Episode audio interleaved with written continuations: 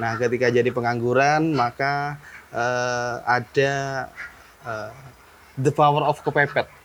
Padahal kan asupan pakan itu sudah dihitung eh, sesuai dengan kebutuhan jumlah energi oleh bebek gitu untuk pakan Yang- itu. Dalam seribu ekor itu kurang lebih kita bersih ya eh, minimal 10 dapat Minimal 10 Iya. juta dapat. per bulan dapat. Ah, ah. Wow. Assalamualaikum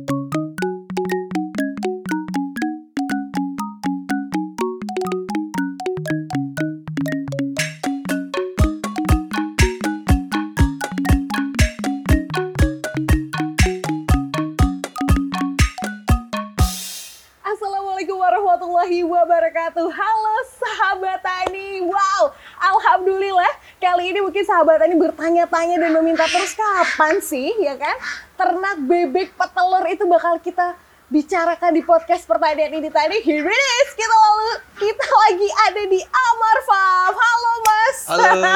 Assalamualaikum. Waalaikumsalam Bagaimana kabarnya hari ini? Alhamdulillah, sehat. Alhamdulillah. Sehat. Tapi Sehat. manggilnya gimana nih? Soalnya Amar Eh. Farm. Tadi dari kemarin ngomongnya, Mas Amar gimana nih Mas Amar sebenarnya? Bisa manggil Amar, bisa, Bisa. manggil Rasul. Bisa manggil Ah, Rasul. Jadi kalau Amar itu ya di nama peternakan, kalau Oke. Rasul nama yang punya. yang punya asli ya. Sebenarnya nama Amar Farm itu diambil dari apa nih Mas? Bisa gimana namanya Amar Farm? Amar itu diambil dari singkatan sih. Jadi Oke. kebetulan eh, anak saya dua-duanya itu eh, yang pertama namanya ada Manaf Al Farabi Rasul, yang kedua Ahmad Ma'ruf Al Ghazali Rasul. Sehingga kalau kita ambil huruf kapitalnya itu disingkat Amar Amar Amar. Oh. Harapannya nanti bukan hanya Amar Farm tapi Amar Group yang nantinya ada beberapa sektor bisnis di situ gitu. Oh my god, keren banget. Sahabat tadi, berarti kalau ngomongin ya, kalau kita flashback lagi gitu ke, Hmm. ke uh, sebelum berdirinya Amar Farm itu latar belakang awalnya ide gagasan muncul bikin Amar Farm itu bagaimana mas ceritanya? Eh, jatuh? Gitu. ya jatuh dari segala macam lah. Artinya jatuh dari usaha jatuh dari eh, urusan eh, apa ya pekerjaan. Pekerjaan? eh, sehingga menjadi pengangguran gitu kan.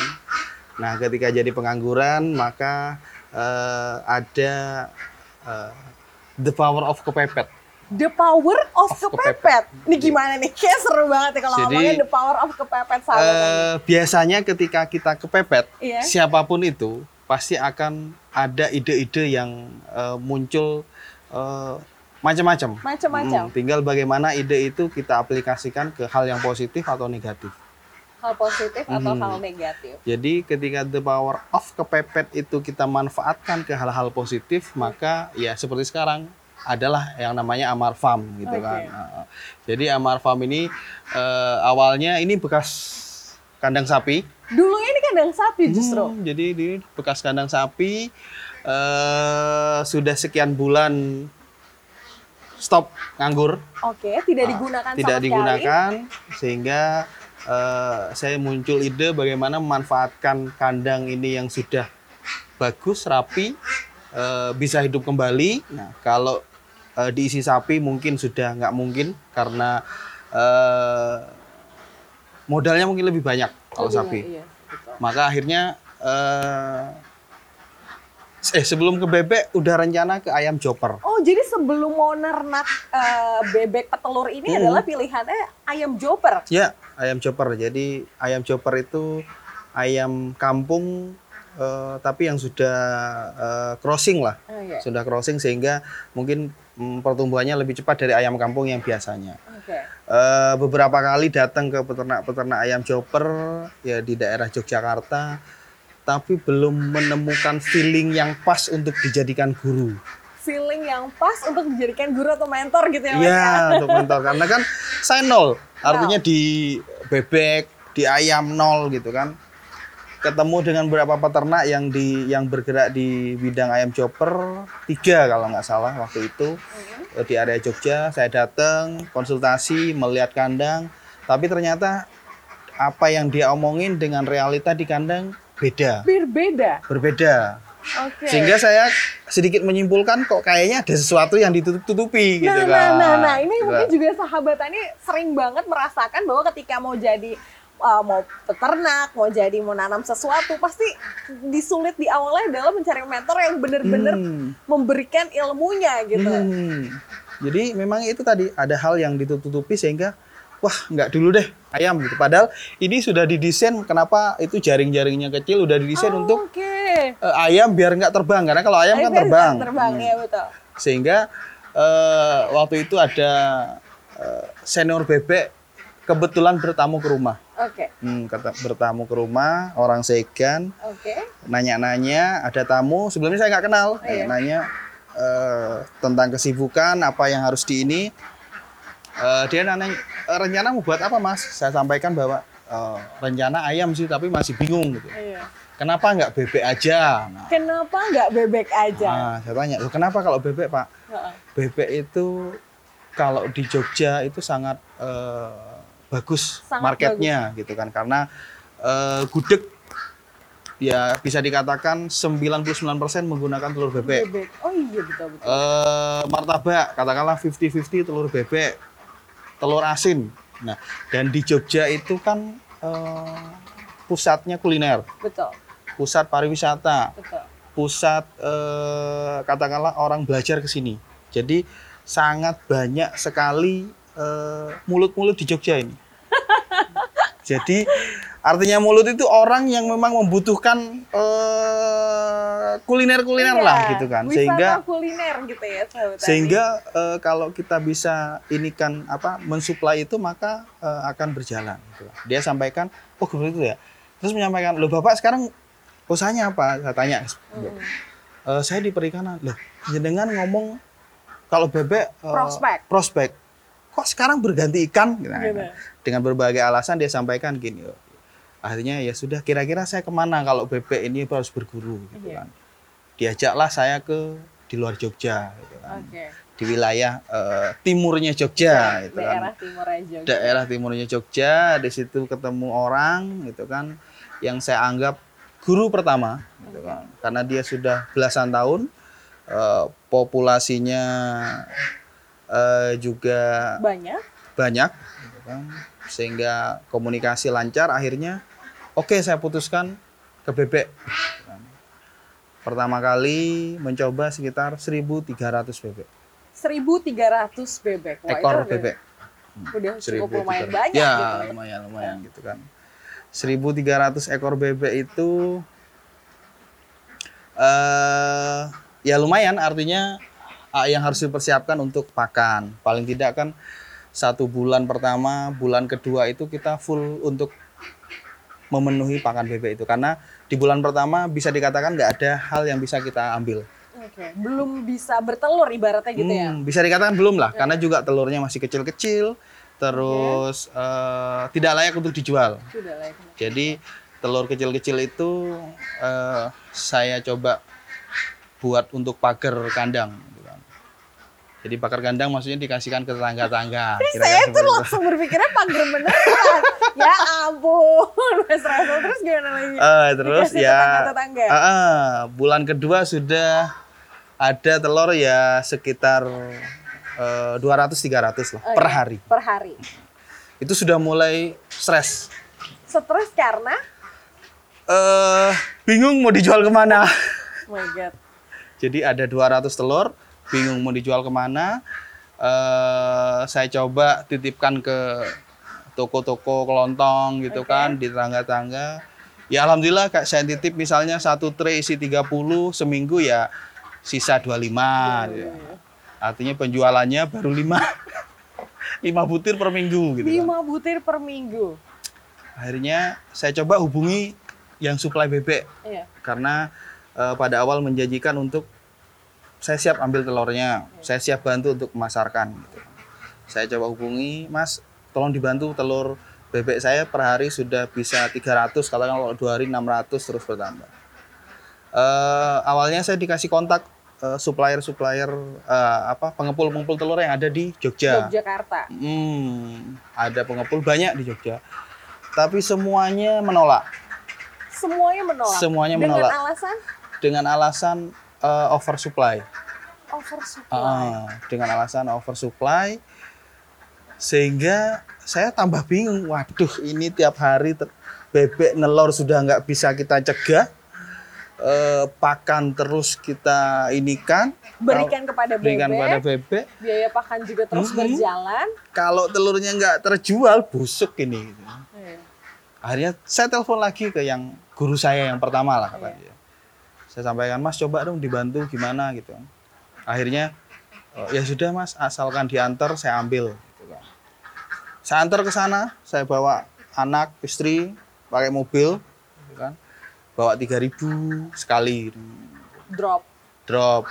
Seminggu lagi 3000 dihitung-hitung dengan kita bawa ke sana harga yang tidak sesuai ekspektasi kita belum lagi capeknya karena kurang lebih sekitar 52 kilo saya nganter kalau pulang pergi udah sekitar 100 kilo sekian Eh, sehingga berpikir masa sih eh, telur gini terus gitu kan Iya sih. benar. yang disampaikan awal itu katanya di Jogja itu Prospeknya, prospeknya luar luar biasa. biasa. Kok saya malah nggak bisa jual telur ini kan? Nah, akhirnya eh, saya coba menggunakan medsos lah, media sosial. Iya, media sosial. media sosial memanfaatkan media sosial yang yang tidak berbayar. yang tidak berbayar. Hmm, yang tidak berbayar ya mengandalkan grup-grup eh, bebek yang ada di Jogja, yang ada di luar Jogja, yang yang di Nusantara lah. Di Indonesia. Hmm, di Indonesia. Jadi eh, saya coba aktif setiap hari eh, apa namanya ngisi di grup ya entah itu informasi apa-apa saya sampaikan di situ. Eh, saya coba sambil memasarkan dengan tagline eh, Amar Farm spesialis telur bebek segar Iya, gitu kan. Nah, itu me- menjadikan tagline. Jadi setiap foto, setiap video yang saya publish mesti saya kasih tagline itu.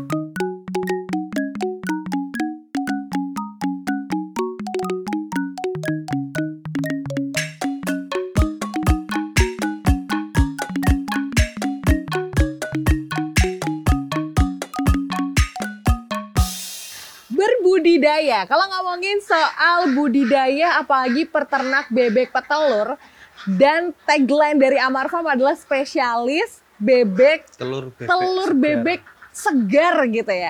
Berarti kita sebagai pemula atau minimal konsumsi bebek harus tahu dong membedakan antara eh, telur bebek yang segar dan tidak itu membedakannya seperti apa. Karena kan orang awam kadang suka nggak paham gitu. Hmm. Jadi eh, ada berapa sih untuk membedakan telur bebek segar dengan yang tidak, Tidak segar. Jadi memang tergantung market.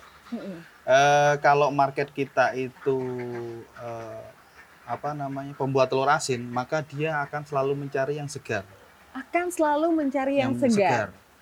Kalau market kita itu gudeg, dia mencari telur yang umurnya lebih dari tiga hari. Umurnya lebih dari tiga Tiga hari. Oh gitu ya. Karena eh, kalau telur, telur asin kenapa dia mencari yang segar? Karena Iya. ada proses pemeraman itu yang kurang lebih 15 hari. Oke. Sehingga eh, telur itu nyampe di tempat eh, pemrosesan telur asin dicuci, dikasih garam dan selain eh, Sebagainya. sebagainya, akhirnya pemeraman sekitar 15 hari. Oke. Nah, meskipun dalam pemeraman itu karena sudah ada garam maka otomatis ada pengawetnya di situ. Iya. gitu kan. Nah, sehingga eh, proses pengasinan. Nah, Mm. kalau gudeg itu kenapa dia nyari yang Tiga hari. lebih dari tiga hari? Oh, lebih dari tiga tiga hari atau seminggu. Empat. uh-uh. Tujuannya adalah ketika selesai direbus gampang dikupas kulitnya. Oh itu ngaruh ya mas? ya? Ngaruh. Kalau telur fresh Heeh. eh, dikupas maka banyak yang nempel di kulitnya sehingga kan nggak cantik Penampilan, penampilan salah, telurnya. salah. Oh Ah, iya. iya. Jadi makanya tergantung eh, pembeli kita telur Oke. asin atau Untuk eh, makan gudeg. gudeg cita rasa Ah, gudeg kalau gitu. misalnya martabak ya dia telur telur tapi lebih nyari yang segar Oh, karena nyari. misalnya nggak laku hari ini masih aman ke depan. Oh, gitu iya, kan. iya, Karena iya. telur bebek itu kalau yang eh, seperti ini Normal kan ya, memang nggak menggunakan pejantan sehingga tidak ada embrio di dalamnya bisa bertahan dua minggu sampai tiga minggu masih bertahan. Telur bebek itu hanya Hmm. 2 sampai 3 minggu bertahan. Hmm, Dua tiga minggu bertahan itu di suhu normal. Kalau misalnya itu di suhu eh, dingin di Iya. dalam eh, kulkas itu bisa satu bulan. bisa satu Bisa satu bulan. bulan. Jadi bergantung suhunya sih. Oh, ini baru tahu juga nih. Hmm. Baby mungkin sama tadi juga baru tahu ternyata kalau untuk gudeg tiga hari, empat hari untuk Hmm, wow betul. gitu ya. Berarti kalau tel eh, spesialis telur bebek Bebek fresh, fresh atau segar Hmm. gitu kan harus dari si bebeknya dulu dong kondisinya dengan baik, kondisinya Iya. harus sehat, kondisinya harus eh, bersih gitu ibaratnya kayak Hmm. gitu-gitu Mas. Nah, kondisi bebek yang paling baik untuk dia berproduksi banyak itu yang seperti apa? Eh, jadi bebek itu sebenarnya memang unggas air ya. Unggas air. Ah, jadi, Suka banget main air ya eh, soalnya. Kenapa kakinya itu ada selaputnya? Itu kan karena ketika dia berenang dia tetap bisa ngambang. Oke. kan. Cuma kita tinggal tujuannya arahnya ke mana gitu kan. Oke. Kalau misalnya arahnya kita eh, ngejar produktivitas telurnya, maka bebek memang eh, kita buat intensif kering. Intensif kering. Ya, Oke. jadi intensif kering ya seperti ini bisa Iya. dilihat sampai ke sana. Ya, sahabat Jadi- Tani bisa dilihat. Intensif kering itu eh, bebeknya memang eh, tidak pernah mandi. Tidak pernah mandi. Mm, dan tapi tidak bau. Iya sih benar juga buktinya aja kita kebetah di sini sahabat Tani. Karena nggak bau biasanya kan baunya nyengat banget sampai Ah, pusing Jadi gitu. memang eh, bebek itu ketika tidak bersentuhan langsung dengan air, kecuali dia minum. Oke. Jadi memang tempat minumnya kita bikin di luar kandang, Oke, sehingga suasana di, Di dalam kandang? dalam kandang sendiri itu kering. kering. Nah, ketika kering maka eh, produktivitasnya akan maksimal. Karena kenapa? Bebek lebih hangat. Oke. Terus yang kedua, ketika kering tidak ada bau. Bukan tidak ada bau lah, tapi Tapi baunya sangat minimal. Minimal. Heeh.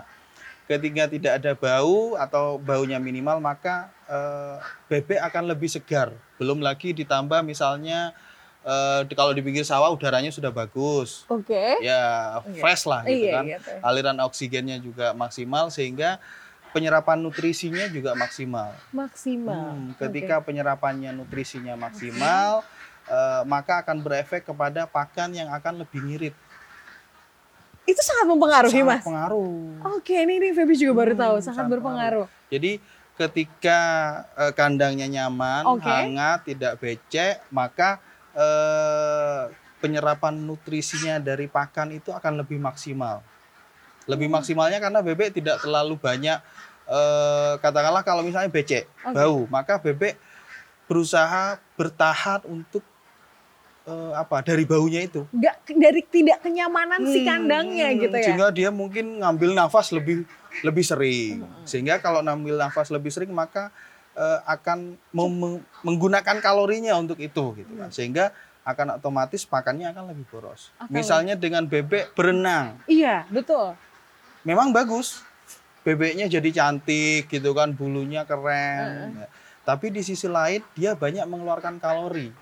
Ketika mandi berusaha untuk mengeringkan badannya, itu banyak eh, energi-energi yang dikeluarkan eh, hanya untuk membersihkan badannya. Padahal untuk produksi telur yang bagus, yang kualitasnya eh, gede-gede, terus cangkangnya juga tebel, itu dipengaruhi dari energi itu Energi dari bebek itu sendiri gitu ya, Mas. dari ya? asupan pakan itu. Oke. Padahal kan asupan pakan itu sudah dihitung sesuai dengan kebutuhan jumlah energi oleh bebek gitu untuk pakan Yang- itu. Oh, jadi enak kalori yang dikeluarkan sama yang dimakan sudah dihitung secara sudah dihitung. ya. biar produktivitas si telurnya juga Hmm, baik gitu ya. hmm. Oke, Karena kan oke. Kalau misalnya pakan yang eh, dibutuhkan bebek itu tidak boros, maka HPP per butir itu juga akan semakin rendah. Oke. Artinya harga pokok Pokok produksi per- per butir iya. semakin rendah, maka keuntungan akan semakin tinggi. Oh, Kira-kira oke. seperti itulah.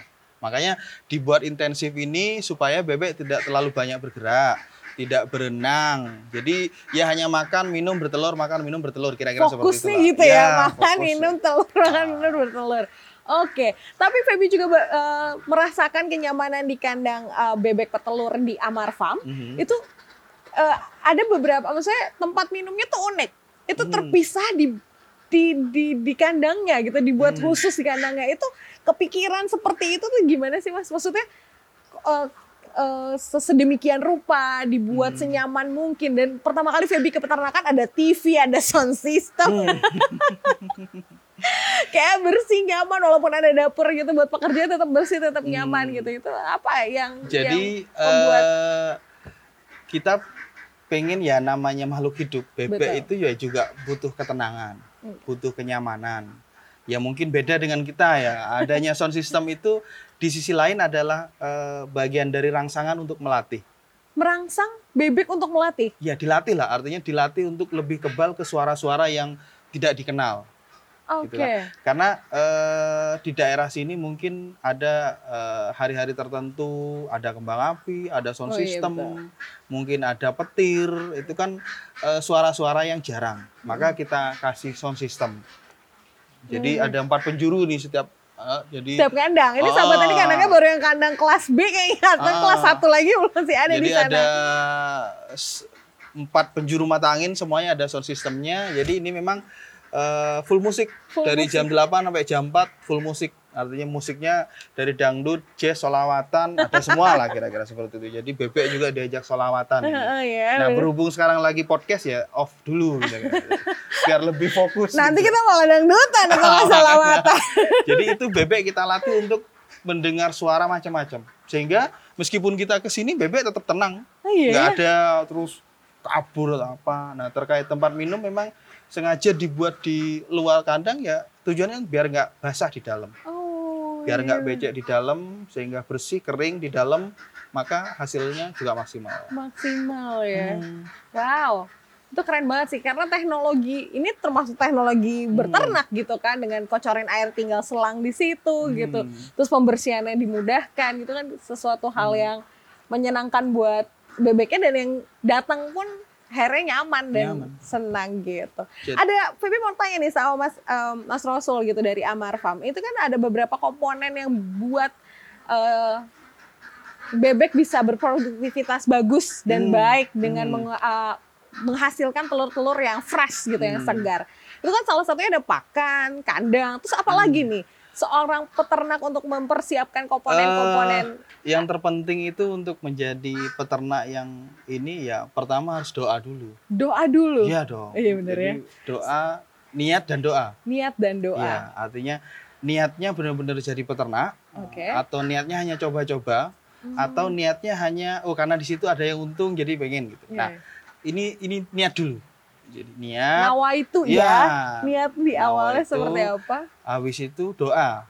Kenapa doa taruh di awal? Karena eh, kalau terkait teknis dan lain-lain itu kan ya kita manusia yang ini. Mm-mm. Tapi kalau doa urusan rezeki kan Tuhan yang Oh iya sih, ya menentukan. benar-benar. Jadi ya memang ada beberapa hal yang harus dipersiapkan dalam untuk eh, apa namanya beternak gitu kan.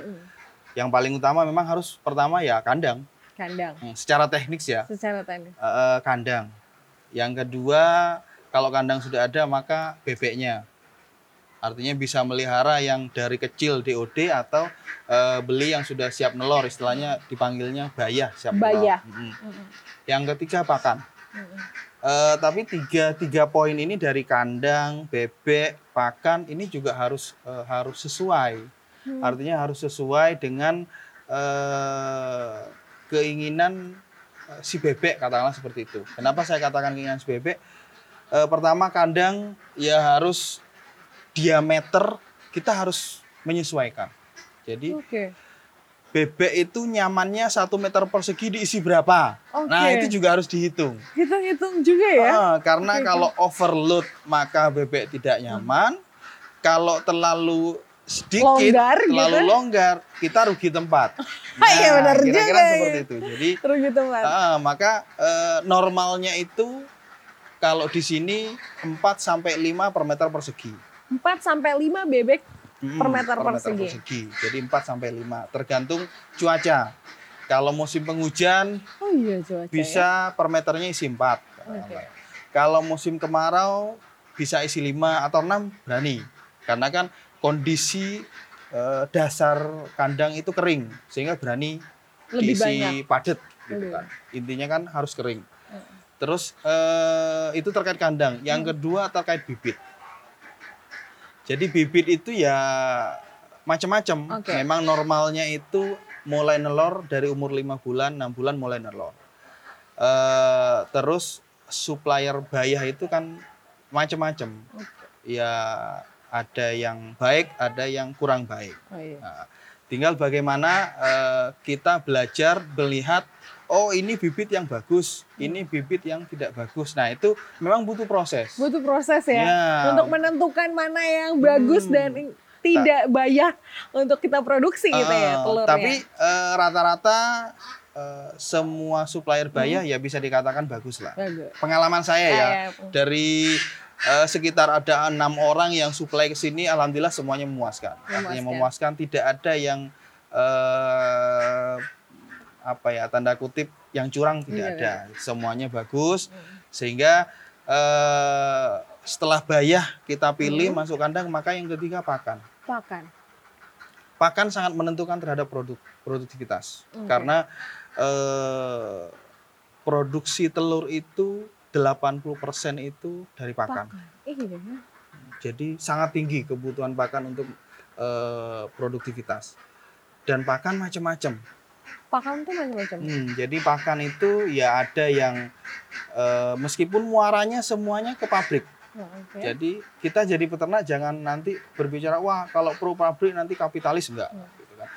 Karena semuanya mau kita nyampur sendiri, mau kita beli yang ada yang Di pabrikan. pabrikan, mau ada yang beli jadi bukan non pabrikan tapi sudah jadi, semuanya juga muaranya ke pabrik. Karena mereka juga menggunakan konsentrat yang produksi pabrikan. Oke. Hmm, nah, kalau di sini saya memang menggunakan ya sudah berbagai pengalaman lah ya. Iya. Jadi pertama bahkan saya sudah ada mesin mixer, eh, hammer mill semuanya. Awal-awal yes, namanya masih peternak yang sok-sokan lah gitu kan. Wah, saya harus mandiri secara pakan gitu Iya, kan, iya. oh, supaya eh, menguntungkan lebih besar. Saya coba mixing sendiri, Coba mixing sendiri. Hmm, mixing sendiri dengan beberapa sumber yang saya coba ini kan ternyata ya ya hasilnya bukan tidak bagus tapi lebih banyak lelahnya Oh, Karena eh, energi kita fokus sama Ah, pakan ya berarti. energi kita fokus sama pakan harus nyiapin misalnya kita mixing sendiri Oke.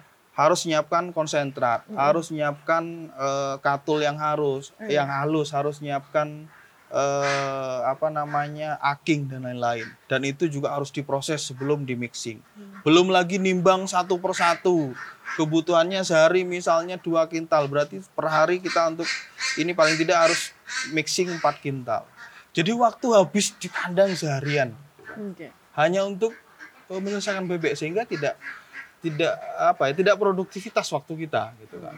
Akhirnya ketemulah eh, pada akhirnya ketemu yang namanya pakan jadi gitu kan. Pakan jadi saya tidak mau menyebutkan mereknya karena hampir semua pabrikan punya pakan jadi bebek dan bukan bukan berarti pro pabrik loh ya. Iya. artinya mau tidak mau ternyata ya memang karena mereka punya sumber daya manusia yang SDM yang kompeten gitu Oke. kan.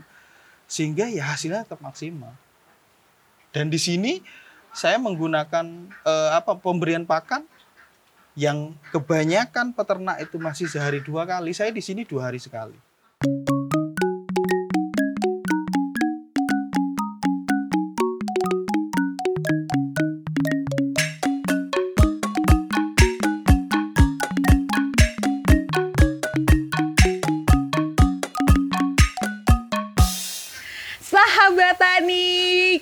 sekarang benar-benar mendapatkan ilmu ya mengenai budidaya peternak telur dari bebek yaitu Amar Farm. Nah, pasti sahabat itu pasti penasaran gitu.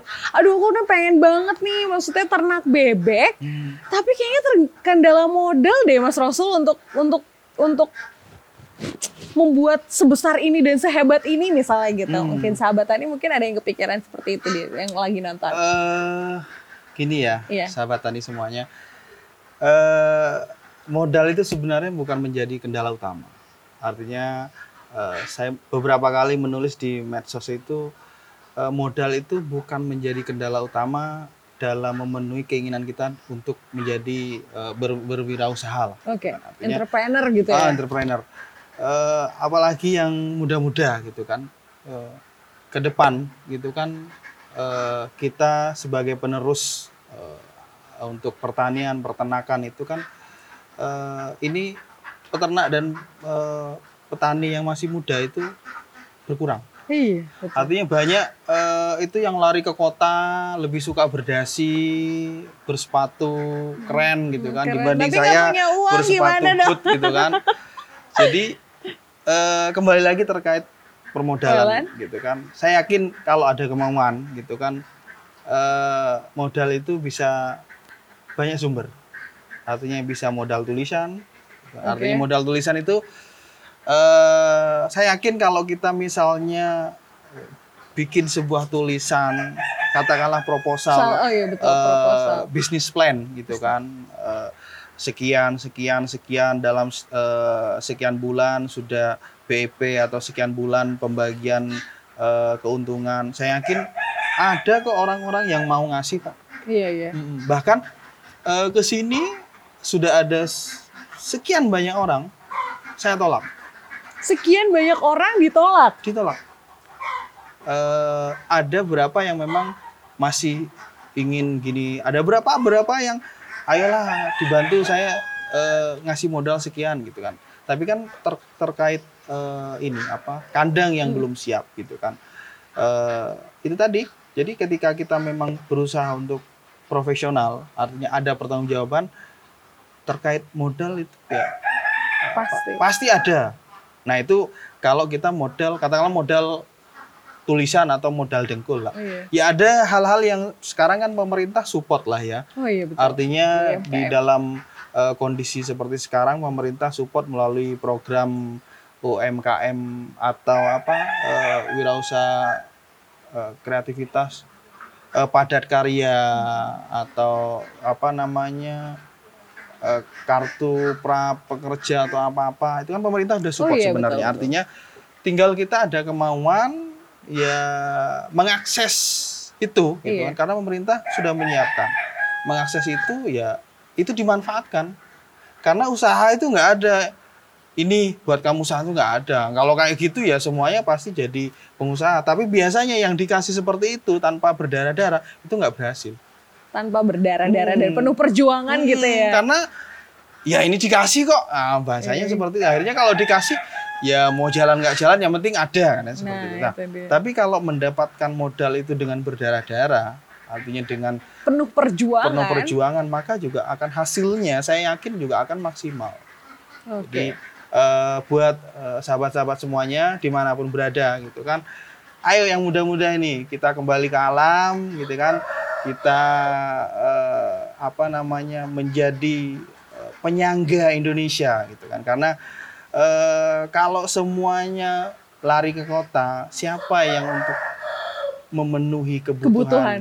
Se-Indonesia 270 pangan juta Indonesia penduduk. gitu iya kan. bener. Nah, jadi ayo yang muda-muda kita menjadi petani maupun peternak ya nggak usah gengsi lah. gitu kan.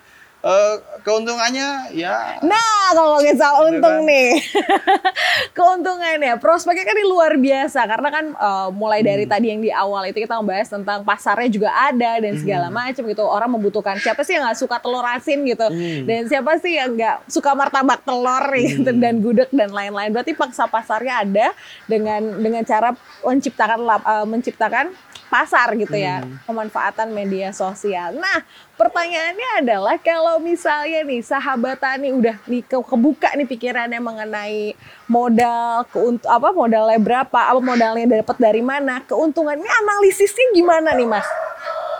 eh Berapa yang harus misalnya nih contoh Hmm. kayak kandangnya dia punya kecil 100 ekor, berapa yang harus dikeluarkan? Hmm. Keuntungannya berapa persen dari yang jadi sebenarnya eh, tinggal kita untuk beternak itu eh, menjadi sampingan Oke. atau eh, dijadikan utama. Kalau jadi sampingan eh, katakanlah ya 100 200 ekor lah. Oke. Selesai artinya 100 200 ekor. Eh, kalau tidak sampai 200 100 lah. Artinya 100 ekor itu eh kalau dalam menyiapkan waktu cukup satu jam sehari ngurusi bebek udah selesai. Satu jam Satu jam sehari. sehari. Artinya kalau kita punya pekerjaan lain, Iya, misalnya. eh, bangun subuh, sholat subuh, setelah subuh ngurusi bebek selesai sudah. Selesai, sudah. Kalau itu 100 ekor lah, Oke. Ya, itu udah udah maksimal banget satu jam gitu kan. untuk terkait eh, keuntungan berapa persen ya? Artinya gini lah, kalau dalam seribu, Oke. dalam seribu ekor itu kurang lebih kita bersih ya, eh, minimal 10 dapat, Minimal 10 Iya. juta dapat. per bulan dapat. Ah, ah. Wow. Artinya eh itu ya minimal ya. Iya, iya. Ah, kalau Minimal 1000. aja segitu ya Hmm. gimana nanti pas lagi harganya kan tergantung dari harga jual dan segala macam. Kalau Oke. misalnya 100 ya berarti kan di satu lah Eh, gitu. satu Satu, per bulan. lumayan banget. Ya lumayan. Hanya Nah, ngurusi satu bebek jam? satu jam sehari. Kita 8 jam. Eh, curhat. Oke. Oke gitu ya. Ya. Jadi, Jadi jangan pernah takut. Oh nanti gimana kalau saya punya 100 ekor? Apakah Ya. nanti laku atau enggak gitu? Oke. Ya kita harus ciptakan pasar Hmm. gitu. Jangan sampai kita bersandar sama pasar. Karena kalau kita bersandar sama pasar, maka pasar akan mempermainkan kita. Jadi kita ciptakan pasar, kita yang tahu berapa harga pokok produksi per butir telur, maka kita yang harus menentukan harga. Jangan sampai pasar yang menentukan, "Duh, saya beli telur kamu Sekian." sekian." Berarti kan pasar yang menentukan. Jadi harus kita yang menentukan untuk bisa menutupi biaya operasional, kita tahu harga pokok produksi per butir berapa. Sehingga oh, ini yang layak dijual sekian. Sehingga saya dapat keuntungan sekian. Jadi kita harus yang menentukan. Jadi buat peternak jangan pernah takut deh untuk ini tentukan pasar. Pasar sangat luas, sangat terbuka, apalagi didukung dengan media sosial yang sekarang wah Wah. tambah terbuka, bisa diakses seluruh Indonesia. Karena alhamdulillah untuk Amar Farm telurnya sudah bisa sampai Kalimantan, sampai Jakarta. gitu kan. Oh, keren. Tinggal eh, pengembangan-pengembangan. Pengembangan ya. Untuk peternak-peternak pemula, monggo kita belajar bersama. Iya. Eh, tadi belum kejawab loh Mas mengenai Amar Food dari dari Amar Farm ke Amar Food. Karena Febel itu ada kayak bebek-bebek Hmm. yang frozen dan segala macam gitu. Jadi Amar Food itu lahir karena kembali lagi kepepet. Wow. Ini power banget ya kalau di power up ke PPT kayak gini sih kayak aku mau banget. Kepepet itu karena tahun lalu, Hmm. awal-awal corona, saya yakin semua lini Terdampak. terdampak. Awal-awal ya, Oke. semuanya terdampak, semuanya terjun bebas. Oke. Katakanlah yang bebek afkir yang sudah tidak nelur itu biasanya laku 50 sampai 55. Waktu itu hanya laku 25.000. Oh, Artinya sangat miris. Kalau kita pelihara itu nggak bertelur, hmm. mm-mm.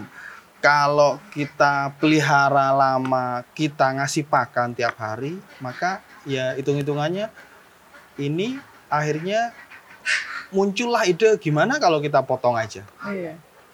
Akhirnya potong, ya kita bersihkan, kita frozen dan waktu itu kita jual bersih 60.000 ribu gitu. Wow. Harga corona waktu itu ya. kalau sekarang udah enggak kayaknya. Jadi memang kita frozen eh, karena kalau dengan di frozen apalagi frozen dengan yang eh, vakum itu kan bisa tahan sangat lama. Sangat lama. Ah, sangat lama sehingga eh, karena kepepet muncullah ide waktu itu ada sekian ratus yang sudah afkir yang tidak bertelur maka mau nggak mau daripada dijual hanya 25.000 Lebih baik. lebih baik dipotong sehingga nilai Ekonomisnya ekonomisnya naik Naik. Gitu. Terima kasih Mas Rasul Ya, dari sama. Amar Farm udah ngobrol bareng sama konten ini Tani. Terima kasih juga untuk sahabat Tani sudah nonton konten mengenai peternak bebek petelur dari Amar Farm. Feby pamit. Wassalamualaikum warahmatullahi wabarakatuh. Ini tadi semangat bertani untuk negeri.